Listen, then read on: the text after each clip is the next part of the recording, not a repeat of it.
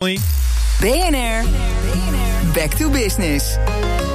Ja, Nederland gaat uh, weer aan de slag na wat de intelligente lockdown werd genoemd. Aanpassen aan de anderhalve meter. Economie is daarbij geen keuze, maar een must. Hoe ben je in deze tijden toch zo succesvol mogelijk? Elke dag vraag ik een ondernemer om inspiratie. En vandaag is dat uh, Gijs van Bilsen, Chief Inspiration Officer bij Pentascope. Goedemorgen. Goedemorgen. Ja, u geeft uh, training en begeleiding rondom organisatieontwikkeling en verandertrajecten. Hebben bedrijven en organisaties ook in, uh, in deze crisisperiode geld over voor dit soort trainingen?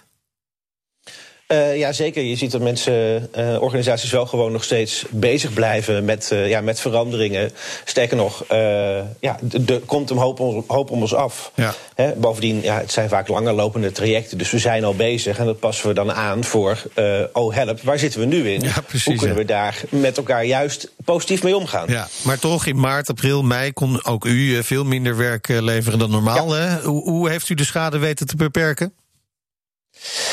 Nou ja, we zijn uh, veel uh, on, uh, online gaan doen. Maar ja, een heel groot deel van, van het werk van mij en mijn collega's is, ja, is verzet of, of afge, afgezegd. Mhm. Mm -hmm. En toen zijn wij onder andere begonnen met een, een online escape room. Een online escape room. Leg uit, hoe werkt dat? Ja, ja, wij uh, we doen daar dus verandertrajecten. En een van de manieren waarin we uh, veranderingen begeleiden is uh, door serious games. Ja. Dus op maat spellen maken voor organisaties in verandering.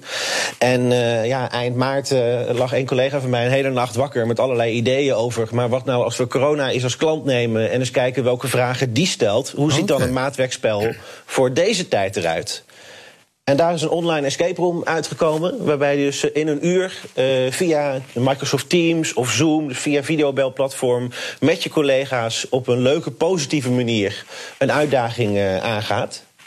En waarbij we juist de belemmeringen van het werken op afstand uh, hebben gepakt om daar uitdagingen van te maken die je moet overwinnen. Ja, nou ja, dat is dus in ieder geval een uitdaging die u aangegaan bent en overwonnen Ja. hebt. Maar uh, als we kijken naar het soort trainingen waar bedrijven nu behoefte aan hebben, hè, dat is ongetwijfeld ook aangepast op corona. Waar, waar is er dan veel vraag naar?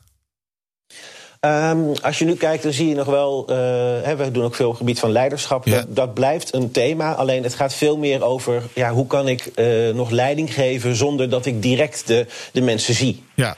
Um, en uh, ook in de projecten waar we zitten, wij doen bijvoorbeeld uh, veel rondom opdrachtgeverschap bij, uh, bij gemeenten, is dat ook hetzelfde. Ja, hoe, hoe ben ik nou ook een goede opdrachtgever, terwijl ik misschien veel minder contact heb met die projectmanagers?